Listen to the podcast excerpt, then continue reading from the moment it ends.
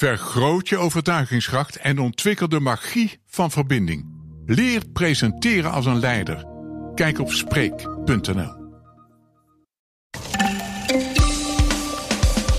Informateur Cenk Willink gaat onverstoorbaar door met zijn poging vertrouwen in de Haagse politiek te herstellen. Ondanks de explosieve onthullingen van RTL Nieuws gisteren, die duidelijk maken dat de regering in een vergadering heeft besloten om de Tweede Kamer niet volledig te informeren over het kinderopvangtoeslagenschandaal. De Volksbank, waar SNS en ASN bij horen, zit in een bestuurscrisis. Binnen een jaar tijd zijn drie van de vijf commissarissen vertrokken. En er komen wereldwijde boekhoudregels voor duurzaamheid. Dit is Nieuwsroom, de dagelijkse podcast van het Financiële Dagblad en BNR Nieuwsradio. Met het nieuws verteld door de journalisten zelf. Ik ben Mark Beekhuis en het is vandaag donderdag 22 april. Hallo Lien van der Leij van de Haagse redactie van het Financieel Dagblad. Goedemorgen. En uh, ik zie op de webcam met achter je het Binnenhof, uh, de Ridderzaal. Uh, ja. Je bent niet echt op het Binnenhof, hè? Je nee, niet op maar we zijn wel op kantoor en dat is, dat is dichtbij. En ik heb gisteravond wel behoorlijk lang op het Binnenhof gestaan. Gisteravond was weer zo'n dag dat alle fractievoorzitters langs gingen bij meneer Cenk Willink. Dat klopt. En dan uh, rennen de journalisten af en aan om te kijken uh, hoe, hoe het is bij binnenkomst, wat, wat de mensen willen zeggen. En dan weer uh, als ze naar buiten komen van wat ze aan Cenk Willink hebben meegedeeld en hoe dat gesprek verliep. Ging dat nog überhaupt over de formatie, die gesprekken met Cenk Willink? Want die man is bezig met een informatieproces. Terwijl, um, kan daar nog sprake van zijn na wat we gisteren allemaal hebben meegekregen? Um, nou, laten we het zo zeggen. Um, ik was er eergisteren ook uh, aan en af uh, gaan. En toen ging het vooral om uh, hoe dun een regeerakkoord mag zijn. En daar ging het nog. en, en de vijf onderwerpen die partijen graag geagendeerd zouden willen zien in, in, in, in zo'n regeerakkoord op hoofdlijnen. Maar um, na Marijnissen kantelde dat, want in de tussentijd kwam, kwamen de onthullingen van uh, RTL over ja, achter de schermen gekonkeld tussen aanhalingstekens bij de toeslagaffaire. Noem het maar achter de schermen. Dit was de ministerraad waarin afgesproken werd, als we RTL mogen geloven, dat ze de Kamer niet wilden informeren. Ja, dat, uh, volgens uh, RTL uh, is in een ministerraad van, ik meen 11 of 15 november 2019 afgesproken tussen alle aanwezige bewindslieden van ja, we gaan selectief de Kamer informeren om ja, bepaalde ambtenaren en, en, en bewindslieden het hand boven het hoofd te houden. Maar dus daar. Um, ja, jullie hebben er wel uh, gevraagd naar wat er het nieuws van RTL gisteren naar buiten bracht. Maar Cenk Willink, die zit dan binnen en die komt elke uur komt daar iemand, een fractievoorzitter, uh, die schuift aan. Die gesprekken gaan wel gewoon door, alsof er niks aan de hand is. Nou, ik, dat, dat, dat, ja, we weten het niet, we zitten daar niet bij. Maar... Nee, voor een deel wel. Uh, maar natuurlijk, um, kijk, uh, als ik dan van uh, Denk, de fractievoorzitter van Denk, die zei eergisteren al van ja, die gesprekken die gaan over allerlei procedurele dingen. En die olifant in de Kamer wordt niet benoemd. En dat is hoeveel vertrouwen hebben we nog in Rutte? Nou ja, dat werd um, extra vergroot uh, gisteren natuurlijk. Want uh, um, de ja. eerste mensen die langs gingen, die, die hadden het nog over die vijf uh, voorstellen. Maar ja. met Marijnissen kantelde dat beeld. Want zij heeft, net daarvoor kwam RTL en Mar Marijnissen zei dat Lilian Marijnissen dus van de SP, ja. die heeft Cenk Willink daarvan op de hoogte gebracht, zei zij. Hij had het nog niet gezien. En uh, dus hij, zij had hem nog even bijgepraat. Oh, ze had hem bijgepraat, ja. ja. Hij is natuurlijk ook niet bezig met het nieuws. Dus dat, uh, is, dat is op zich misschien ook niet zo gek. Maar goed, daarna zijn niet de gesprekken afgebroken. Hij heeft wel de hele dag tot het einde volgemaakt. Want toen ik je gisteravond appte, ben jij nu op het Binnenhof? Toen zei je ja. En het is hier heel erg koud. En we staan te wachten op Mark Rutte. Dat klopt, ja. Nee, uh, nee die, die gesprekken gingen door, maar natuurlijk, uh, want, want het ging toen ook over de oude coalitiepartners. die waren aan de beurt gisteren. Nou, Hoekstra, ehm, die, die wilde echt helemaal niks zeggen. En dat gesprek verliep vrij bot uiteindelijk. Uh, er zijn ook excuses aangeboden door de aanwezige journalisten, omdat, die, omdat het best wel eventjes de temperatuur nogal opliep. Wat deden die journalisten dan? Die, naam, die accepteerden nou, niet dat er geen antwoord kwam? op hoge toon. En ah, ja. Hoekstra vond dat ze hun toon wel mochten matigen. En daar, ah, ja. Maar um, ja, hij, zei, hij bleef gewoon niks zeggen. Dus dat, uh, dat was nogal uh, frustrerend. Hij zei van, uh, we moeten de juiste volgorde betrachten. Eerst gaat er een brief naar de Kamer, daarna een debat. En in, daar, in die volgorde gaan we alle vragen beantwoorden. En, en, en min of meer, en aan jullie zeg ik nog niks. Dus dat was tegen het zere want dit was natuurlijk wel de, de actualiteit uh, ja. zang. Nou ja, en ook, het was niet voor niks dat ik vroeg, gaan die gesprekken gewoon door. Het gaat over de essentie van de besprekingen over een nieuwe coalitie. Uh, dus het is niet zomaar even trivia uit een hele andere categorie. Nee, in, inderdaad. deze hele uh, um, beweging is, is om uh, ja, te kijken hoe het vertrouwen hersteld kan worden tussen ja, kabinet en Kamer, tussen de regering en de oppositie, maar ook tussen parlement en burger. En uh, kabinet en burger. Nou, ja, dat laatste heb ik nog niet gezien hoor. Uh, dat zeg ik dan maar even voorzichtigjes. Dat, tussen, dat ze contact zoeken met de burger. Nou ja, je beschrijft net dat Hoekstra zelfs geen antwoord gaf toen er vragen kwamen van journalisten. Dus dat helpt niet bij het vertrouwen. Niet bij mij in elk geval. Uh, sowieso, want er was natuurlijk een extra regeling van werkzaamheden om vijf uur gistermiddag ineens. Er werd gevraagd, kunnen wij morgen, dat zou vandaag dan zijn geweest, met heel veel spoed een uh, debat hierover hebben? Klopt, dat is door Denk, uh, door Assekan aangevraagd. die, die was de man van de olifant in de Kamer per slot van rekening. En, um... en de hele Kamer wil dat wel, maar alleen de coalitie, nou ja, de voormalige coalitie of de demissionaire coalitie, die zei: wij willen even een brief eerst. Ja, we Kortom, willen eerst een brief. Tijd. Uh, en, en, ik, ja, die, die klassieke traineringspoging uh, zou ik zeggen, maar uh, dat. Ja. Dat hoeft niet zo te zijn. Het, ik bedoel, het, heeft wel iets voor te zeggen dat alle feiten eerst op papier komen en dat op basis van, van, van, van dat opnieuw feitenrelaas gedebatteerd wordt natuurlijk. Ja, en dan duurt het tot woensdag voor er een debat komt. Hè? Want dan komt er op maandag misschien die brief. Is het dinsdag Koningsdag? Ja. Daar, daar gaat natuurlijk uh, niet, op, uh, niet op dinsdag vergaderd worden. Of misschien komt die brief wel in het weekend. Hè? Hij komt uiterlijk begin volgende week. Zoiets was het. Ja, ja Rutte die heeft uh, vandaag, of, of, gisteravond een, laat een kattenbelletje naar de Kamer gestuurd. Van we maken zo snel mogelijk. We komen zo snel mogelijk met de gevraagde brief. En, ja. En, en dan, daar zal dan in staan dat er niets onhoorbaars gebeurd is, hè? Um, dat, dat was, daar, daar heb ik zo lang op staan wachten gisteravond. Want Mark Rutte was de laatste aan de beurt voor Cenk Willink.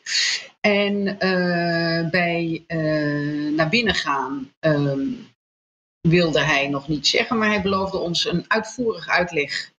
hij had, het, had de RTL-berichtgeving gelezen en hij beloofde ons een uitvoerig ja, ja, gesprekje daarna.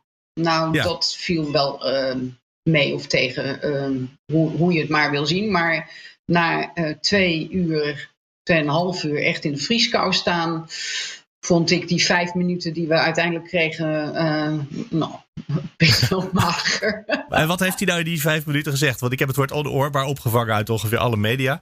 Ja. Uh, niks onoorbaars. Hij zei in eerste instantie, uh, ja, de, de, Kamer heeft naar aanleiding van dat RTL-bericht een aantal vragen gesteld. En we gaan die als kabinet zorgvuldig uh, beantwoorden. Maar ik kan wel zeggen dat bij het opstellen van dat feitenrelaas in het kabinet niets vreemds is gebeurd en niets onoorbaars. Het dus, dus dat is een van, de, een van de kleine stapjes uit de toeslagenaffaire of het toeslagenschandaal. Uh, nou, uh, daar ging dat RTL-bericht over van dat, dat, dat, er eerst een incomplete versie zou uh, zijn gestuurd en daarna um, wat uitgebreider. Ja. Um, maar Mark Rutte kennende toen. Het, het, viel mij op dat hij dat zo preciseerde in, in eerste instantie. Maar ik moet wel zeggen, in latere vragen her, herhaalde hij in wat algemenere termen van uh, wat ik al zei, er is niets vreemds of onhoorbaars uh, gebeurd. En, uh, oh ja, maar jij, jij hoorde tussen de regels door, er is wel degelijk iets onhoorbaars gebeurd, maar niet bij het versturen van dat feitenrelaas. Nou, nou dan zou je wel heel um, argwanend zijn als je dat ja. zo zou opvatten. Nou, dat zou bij deze premier kunnen. Um, dat zijn jouw woorden, zoals Zeker. ik zeg ik politiek.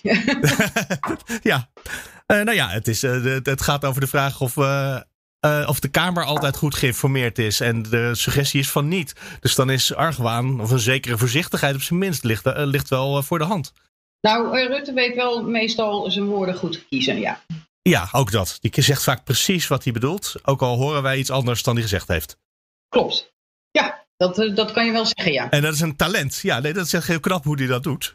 Maar het bijzondere is ook dat natuurlijk in, in, in, in bij deze nieuwe onthullingen uh, gaat het, draait het niet alleen om Rutte. Hè? Nee, dat klopt. Het gaat om de hele regering.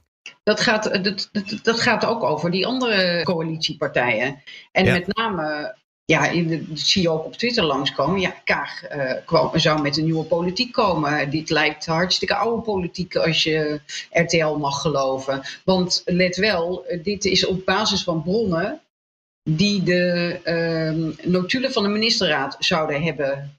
Uh, zou, ze zeggen niet eens zou hebben ingezien, maar toegang tot ja. de notulen van de ministerraad zouden hebben gehad. Dus ja. dan, um, ja, dus die slag om de arm moeten we wel uh, steeds uh, um, in ja, gedachten houden. Klopt. Het is, uh, en wij weten niet wat RTL precies gezien heeft. en, en dat we weten ook zo... niet wat die bronnen van RTL precies gezien hebben. Of zij nee. dus echt die stukken zelf hebben gelezen, of dat dat weer. Um, ze hebben er toegang tot gehad. Dat, dat vind ik, ja, dat weten we niet. Nee, uh, hoewel ik wel bijvoorbeeld bij uh, Tom-Jan Meus uh, in een, een, stukje gisteren tegenkwam. Ja. Een citaat, dit citaat kwam mij erg bekend voor. ik kon het toen niet aan iemand toeschrijven. Maar dat geeft mij dan meteen wel als lezer het vertrouwen dat wat RTL gezien heeft een hele andere route. Er is wel iets aan de hand, ja. Op een hele andere route komt dat bericht ja. ook naar buiten, letterlijk zo. Of vrijwel letterlijk zo. En dat, dat, dat ging over die opmerkingen over um, uh, Pieter Omtzigt. Ja, uh, dat, dat, dat Hoekstra uh, zou, zou hebben gezegd dat de heer Omtzigt ook ja, een, een wat getemperd moest worden. Maar gesensibiliseerd dat, moest hij worden, hè? Ja, ja. Hij, uh, hij, moest, uh, hij moest gesensibiliseerd. Uh, nou, ze hadden geprobeerd hem te sensibiliseren en dat was niet gelukt. Helaas. Dan zijn we weer Hoekstra. we hebben nu weer een paar dagen dat we hier heerlijk over kunnen speculeren. Hè? Want die brief, daar moeten we op wachten. Al die dagen blijft dit boven de markt hangen. Ja, en inderdaad, maar, maar intussen werkt de heer Cenk Willink gestaag door. Onverstoorbaar. Ja, want ik begrijp dus wel dat die gesprekken ook bezijden dit uh, wel degelijk zijn gegaan van hoe bouwen we verder uh, aan een nieuwe bestuurscultuur denkend vanuit een, uh, een, een, een dun regeerakkoord op hoofdlijnen. Ja. Dat was, vond ik ook wel interessant. Wat Marijnissen dus ook zei was, ja, maar het heeft niet zoveel zin dat wij meer inspraak krijgen als de financiële kaders van tevoren al vastleggen. En dat bepleit Cenk dus wel. Ja. En dat bepleit de Raad van State ook. Dus ja, als de financiële kaders al vastliggen in zo'n regeerakkoord, zo, zoveel manoeuvreerruimte is er niet. Kijk aan, dat is iets wat nog niet opgelost is. Nou goed, dat gaan we volgende week waarschijnlijk lezen hè, in een rapport van Cenk Ja, nee, dan, dat is iets om over na te denken als het, als het weer op gang komt. Het is wel een ongekende bende, hè? Um, zeg dat wel, ja. ja het is mijn woorden, eerste ja. formatie uh, in Den Haag. En um, nou, de vorige was ook niet zo uh, soepel. Dat weten we ook nee. wel. Maar um, dit, als, als nieuweling val ik van de ene verbazing in de andere, ja. Lien van der Leij, dankjewel. Dank je. Hallo, Eva Royers van het Financieel Dagblad.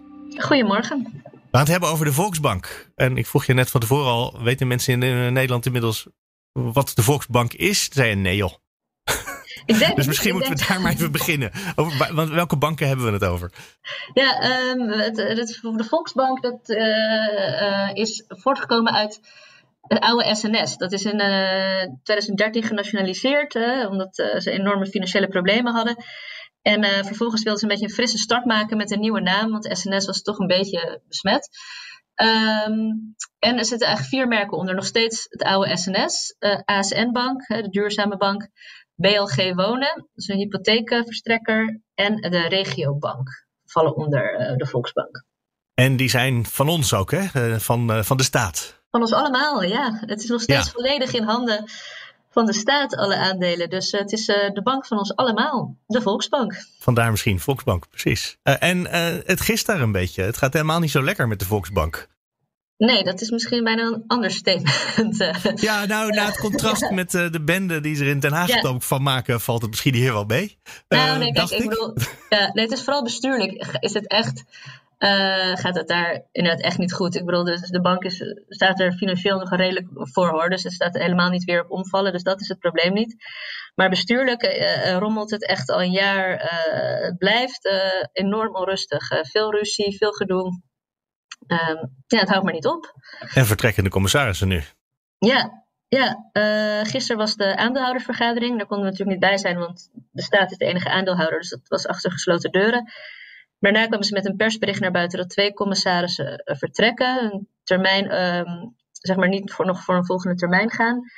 Uh, en dat is opvallend, omdat een andere commissaris ook al bekend maakte, even kort ervoor, de president-commissaris om op te stappen. Um, dus dat betekent dat meer dan de helft weg is. Uh, drie van de vijf. Drie van de vijf in één klap. En dat is toch wel uh, opvallend. Dat, gebeurt, dat zie je niet vaak gebeuren. Dat, nee. En is dat omdat ze gewoon ruzie met elkaar hebben? Kunnen ze gewoon persoonlijk vlak niet met elkaar overweg? Of wat, wat speelt daar?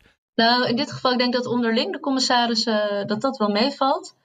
Um, maar even helemaal, als we teruggaan naar vorig jaar zomer uh, toen bleek er vooral in het bestuur, zeg maar, dus waar, waar de commissarissen toezicht op houden van de Volksbank, daar bleken mensen wel echt te botsen. Was, was altijd veel ruzie, de samenwerking liep, liep helemaal niet en dat bracht ook zeg maar, het besturen van de bank in gevaar. Um, maar het was gewoon, uh, op een gegeven moment kwam ook naar buiten, er is een onderzoek naar gedaan naar al die onrust. Dat er zelfs sprake was van intimidatie, van pestgedrag, een onveilig werkklimaat. Dat is nogal wat. Um, ja. En, en die commissarissen die moeten daar toezicht op houden. Die hebben dat niet in goede banen weten te leiden. Uh, en uit dat onderzoek dat is gedaan bleek ook dat, dat de werkrelatie tussen de Raad van Commissarissen en bestuur niet, niet uh, lekker liep. Um, dus ja, op een gegeven moment, aanvankelijk heeft de bank er helemaal geen conclusies aan verbonden, geen personeel in ieder geval, dus niemand stapte op. Uh, ja, ze zeiden we, we, gaan het verbeteren en dat was het. Um, dus dat was best wel opvallend voor zulke harde conclusies in een rapport. Ja, uh, tot ineens drie weken later de president-commissaris toch wegging. En de, het blijkt wel uit het gesprek met onze bronnen dat, dat het ministerie van Financiën, dus die daar de uiteindelijke aandeelhouder is, daar wel een vinger in de pap heeft gehad. Uh, dat er toch wel indringende gesprekken zijn gevoerd van jongens, uh, moeten hier ook niet uh, moet hier iemand niet uh, gewoon conclusies trekken en ook verantwoordelijkheid. Ja, maar dan deden ze eigenlijk de aandeelhouder wat de Raad van Commissarissen had moeten doen. Want die hadden moeten zeggen: is hier niet, speelt hier niet wat? Nee, in dit geval is het dus de, de, de aandeelhouder. Dus er staat hier tegen de Raad van Commissarissen. Zei, jullie zijn ook uiteindelijk verantwoordelijk voor. Jullie houden toezicht op die bank. Jullie zijn um, ja. Verantwoordelijk voor, voor, voor, ook voor hoe het, in het bestuur loopt. Moeten jullie niet hier uh, een conclusie trekken? Dat hadden ze eigenlijk zelf inderdaad. Je zou verwachten dat ze dat zelf uh, hadden gedaan. Dus dat is um, in ieder geval het geval van de president-commissaris Jan van Rutte. Weten we wel dat, dat, uh, dat, dat daar druk is gezet. En die andere twee commissarissen, die, uh, die hebben ook hier aan zich, die zijn ook opgestapt. En de vraag is een beetje, hun termijnen liepen al dit jaar af of, of aan het einde van het jaar. Of ze ook al niet in normale omstandigheden waren weggegaan. Maar nu, door de samenloop van omstandigheden, is gewoon het feit dat, dat dat, dat ze nog maar met twee commissarissen over zijn ja, daar. Die blijven wel, hè, voorlopig nog. Nou ja, met de kennis van nu. Tot volgend jaar met de kennis van nu denk ik dat ze blijven. Ja, anders heb je echt een probleem met de continuïteit van, van het toezicht op die banken. Uh, want het bestuur is ook, zeg maar, dus de laag waarop ze toezicht houden. Het bestuur die, die is, is ook uh, uitgekleed. Want de financieel directeur is uh, van de zomer ontslagen. Vlak daarna stapte de commercieel directeur op. Nee, niet de commercieel directeur, de operationeel directeur. Mhm. Omdat ze ontevreden was over het beleid. De CEO was echt net begonnen, dus die had, was helemaal nog niet eens ingewerkt. En dan zit je dus ook met een bestuur dat echt op, ja, zeg maar op halve kracht uh, draait. Um, dus het is wel belangrijk dat er nog wat mensen blijven zitten die die bank al een tijdje kennen voor de, voor de stabiliteit van de bedrijfsvoering. Ja, ik ga je bijna vragen: moet ik mijn bankrekening daar opzeggen en overstappen? Of uh, kan ik gewoon blijven? Nou, ik zou me voorlopig nog geen zorgen maken dat je nee? spaargeld niet veilig is. Dat is absoluut aan de orde. Nee, maar het klinkt echt heel zorgelijk. Want er zijn natuurlijk uh, de, de drie banken waar mensen gewoon rekeningen kunnen hebben. Ja. En, uh, en een hypotheek. Nou ja, goed, dat is dan uh, iemand. Iemand gaat heus wel de hypotheek uh, van, je, van je terugvragen. Ja, maar die, die andere, die andere, je, je wilt toch dat je bank gewoon door blijft lopen. En dat je geld uit de automaat blijft krijgen. Maar dit klinkt echt heel zorgelijk, dit. Kijk, er zit natuurlijk ook nog een hele organisatie onder. Hè? Dus de, de, de, gewoon de dagelijkse bankzaken. Dat blijft wel echt even lopen voordat dat misgaat. Ja. moet, moet er wel heel veel gebeuren. Maar het is, het is meer op de lange termijn. die bank heeft echt problemen met de, met de winstgevendheid. Uh, er is net een nieuwe strategie gekomen om echt te zorgen dat die bank ook eindelijk eens een keer op zelfstandige benen kan staan. De kosten moeten naar beneden, er moet geïnvesteerd worden in uh, betere ICT. Dat soort lange termijn uh, projecten die de bank echt weerbaar maken voor de toekomst, die komen wel natuurlijk in het geding door, door zoveel onrust. Dat je spaargeld niet veilig is of dat je hypotheek dat misloopt, daar hoef je echt geen zorgen over te maken. Nee. Hoe gaat dit nu verder? De komende tijd moet die bank, wat zei je net al, winstgevender worden. Dus dat betekent misschien dat hun bankrekeningen duurder gaan worden voor het gebruik, dat soort dingen. Ik denk dat je daar wel van uit mag gaan. Niet alleen bij de Volksbank, maar dat geldt voor alle banken. Uh, die spaargeld kost banken op dit moment enorm veel geld. Uh, en ondertussen gaan we alleen maar meer en meer sparen, omdat we het afgelopen jaar niet op vakantie konden en ook niet zoveel naar het restaurant. En dat kost die banken geld, dus ze kunnen er een negatieve rente over rekenen. En dat doen ze ook tot een bepaald bedrag. Maar een ander middel is inderdaad de, de rekeningen duurder maken. En dat doen ook alle banken. Dus de Volksbank, die, die gaat Zal dat ook wel gaan doen. Gaat dat uh, ja. omhoog. Uh, en verder, dus we moeten ook gewoon nieuwe geld, manieren om geld te verdienen aan gaan boren. Want ze zijn veel te afhankelijk van, uh, van wat je noemt renteinkomsten. En ze moeten gewoon efficiënter worden. er gaan ook worden mensen ontslagen. dat is al bekend geworden. Dus ja, er is, die bank staat echt wel wat te doen. het is niet dat ze lekker achterover kunnen leunen. Uh, nee, het begint met uh, de werving van een heel aantal mensen die uh, ja. op die hoge niveaus een plek kunnen vullen. Ja, de recruitmentbureaus die verdienen er goed aan, kan ik je vertellen. Die hebben heel wat vacatures te vullen. Eva Royers, dankjewel. Graag gedaan. Hallo, Martijn Pols van het Financieel Dagblad. Goedemorgen, Mark. Heb jij de kop over het artikel zelf geschreven eigenlijk? Zeker, ja. Gaat de accountant dan de wereld redden? Vraagteken. Er is een soort journalistieke wet, heb ik van krantenjournalisten geleerd, dat als je een vraagteken typt, dat het antwoord in het artikel nee blijkt te zijn. Dat is, uh, dat is absoluut waar. En, uh, dus uh, gaan accountants de wereld redden? het antwoord is nee. En dat, oh, nou, en, dat, en, dat, vinden ze zelf ook. Um, misschien wel aardig om ehm, te vertellen dat het voor mij ook iedere keer weer een uitdaging is om iets interessants en lezenswaardig over boekhoudstandaarden te, te schrijven. Daar kan ik me eens bij voorstellen. Mensen die er dagelijks mee werken en mee bezig zijn, die vinden dit razend interessant. Ik, ik daarom ook. Maar het is voor een breder publiek altijd lastig uitleggen. Dus dan, uh, dan moet je ook af en toe een, een prikkelende kop uh, boven een artikel zetten. In dit geval gaat het over de regels voor verslaggeving van alles wat met duurzaamheid te maken heeft binnen bedrijven. Hè? Klopt. Daar wordt steeds meer duidelijk dat daar standaarden ontstaan uh, waar je ook echt aan moet houden waarschijnlijk. Zeker, ja. Nee, dat, is, dat hangt eigenlijk aan elkaar. Als je, als je goede standaarden hebt, dan kun je die ook gaan controleren.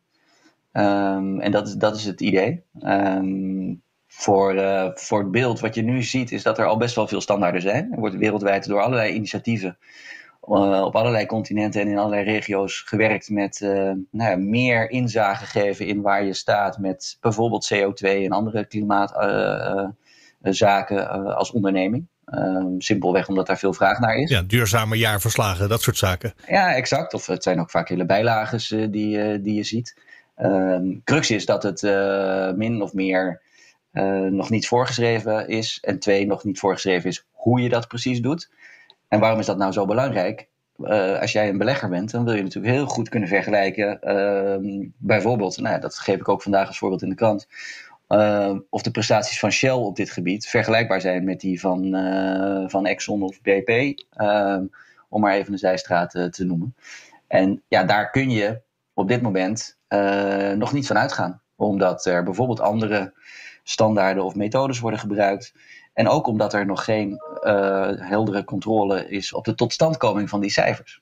En dat is natuurlijk iets twee stappen En dat is waar natuurlijk dan de accountants uh, een belangrijke rol in gaan spelen. Dus nou, misschien dat ze niet de wereld gaan redden, maar ze gaan wel een rol spelen. Ja, en er is natuurlijk altijd uh, veel commentaar en kritiek op het werk wat accountants leveren. Nu al, hè, op, de, op, de, financiële verslaggeving.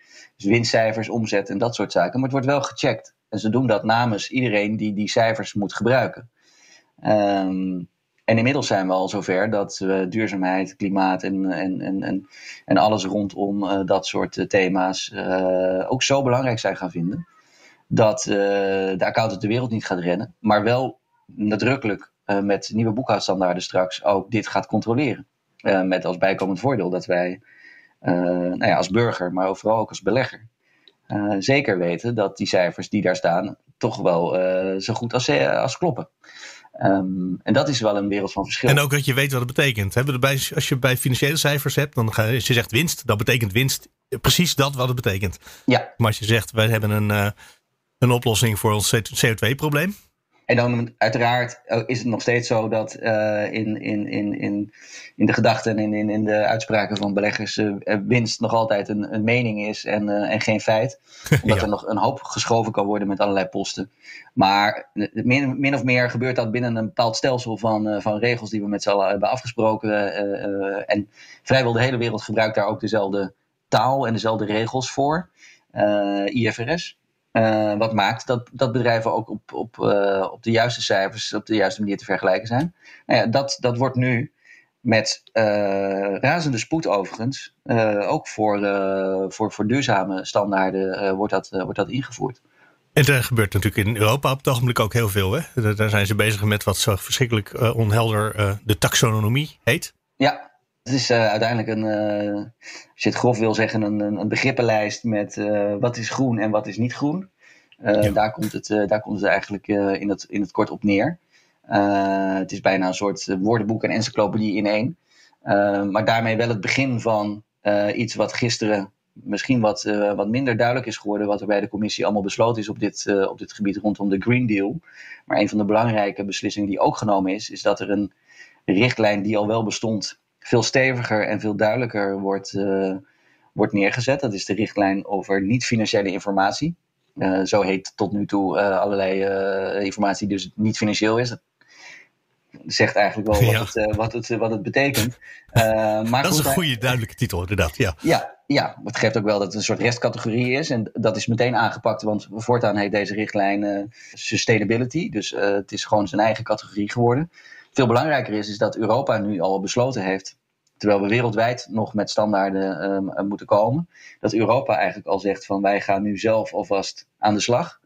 Um, en dat betekent uh, dat grote bedrijven met meer dan 250 mensen per definitie in hun jaarverslag uh, straks over duurzaamheid moeten rapporteren. En dat er uh, niet de volledige accountscontrole overheen gaat, maar wel degelijk een handtekening bij moet gaan komen van een accountant die uh, nou ja, met, op, beperkt, maar toch zeker wel zaken heeft moeten controleren. Um, dus Europa loopt nu. Je moet in ieder geval zeggen: ik heb er een goed gevoel bij. Uh, ja, er zijn allerlei uh, accountantstermen voor. Dit heet dan limited assurance. Uh, waarbij bij financiële verslaggeving wordt er nou, eigenlijk volledige assurance gegeven. Dus we hebben we hebben gecontroleerd, gekeken wat we konden en we gaan ervan uit dat dit allemaal klopt. En dus kan ik hier mijn handtekening onder zetten. Met uitzondering van X, Y en Z. Um, voor duurzaamheid gaat dat nog niet gelden, maar de verwachting is wel onder accountants dat op termijn ook daar volledige assurance over gegeven kan worden. Dus naast winst wordt ook CO2 gewoon een controleerbaar getal.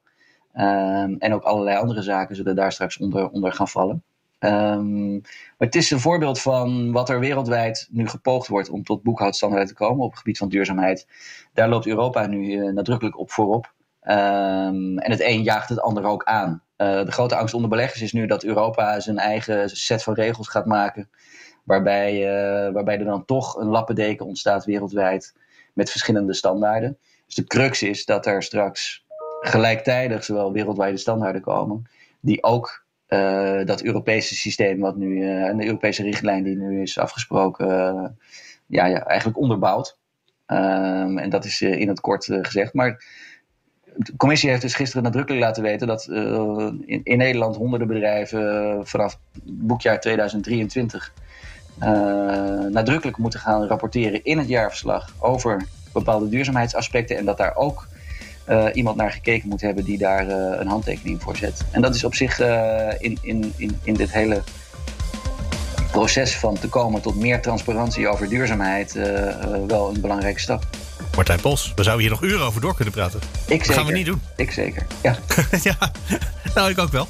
Ik hoorde ook ondertussen zo heel veel belletjes, want jij valt vandaag in als chef op een deelredactie, hè? Klopt, ja. Dus, dat ja, er zijn heel veel, heel veel collega's die aandacht nodig hebben.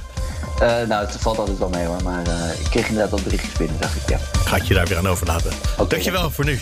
Dankjewel, Mark. Dat was hem voor vandaag. Wil je reageren? Mail dan naar nieuwsroom.fd.nl of nieuwsroom.bnr.nl. Tot morgen.